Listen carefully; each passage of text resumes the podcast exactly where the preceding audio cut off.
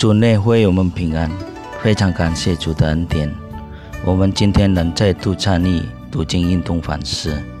读经运动反思之前，请阅读本日读经运动的经文和请阅读本日读经运动的短诗。主内弟兄姊妹们，大家平安！感谢上帝今天赐给我们机会，能够一起来聆听并思想上帝的话语。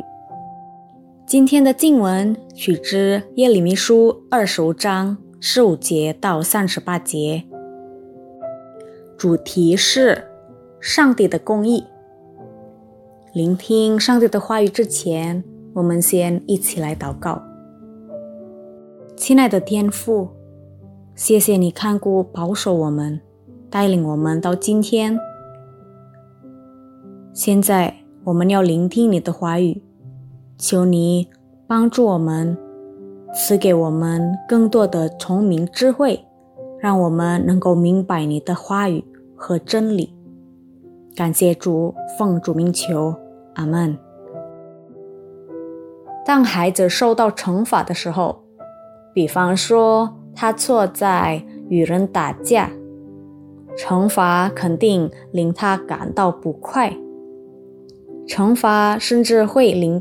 孩子怀疑父亲对他的爱，他或许会认为父亲更选择不痛惜自己的孩子。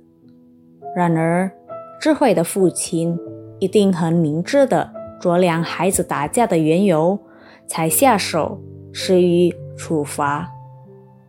父亲那种可恩的酌量，就是他的公道之举。今天阅读的这段经文显示了上帝的公义。在耶利米书前二十五章经文中，我们多次能看到重复出现的话题，那就是上帝极力将他的子民绳之以法。在今天这段经文中，我们看到，原来上帝的愤怒也向其他的国民发作。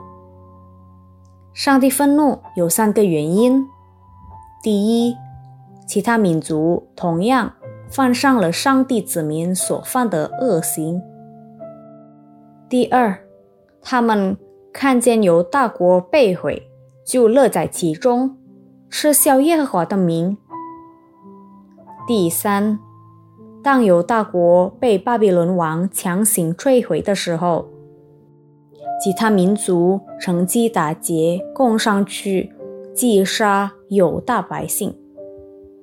即使我们在今天这段经文中看不到第二和第三个原因，但却能在其他的经文中得知。例如，在厄巴迪亚书第一章十一到十四节，我们就看到这般情景。长话短说，有意公正，上帝将要惩罚那些联手行恶的，不论是道义上或社会上的恶行，或是藐视耶和华之名，以及恶待以色列民的作为。由此可见，上帝公义的判断就犹如父亲的胸怀一般。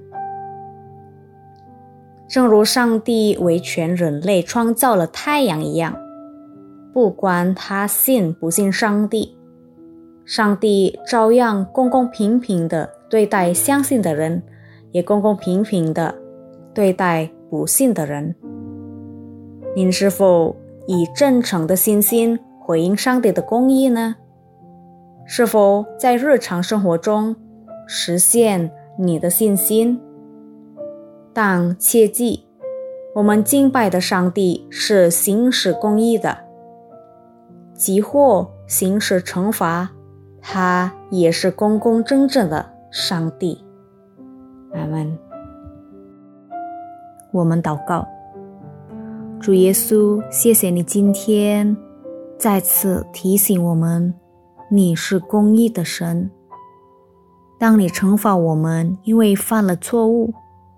我们有时候也会怀疑你的爱，认为你不爱我们了。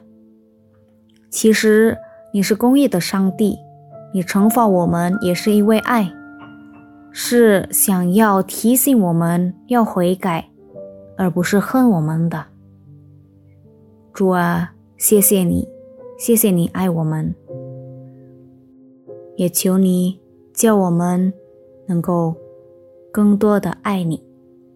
感谢主，我们祷告是奉靠主耶稣的生命祈求，阿门。愿上帝祝福大家。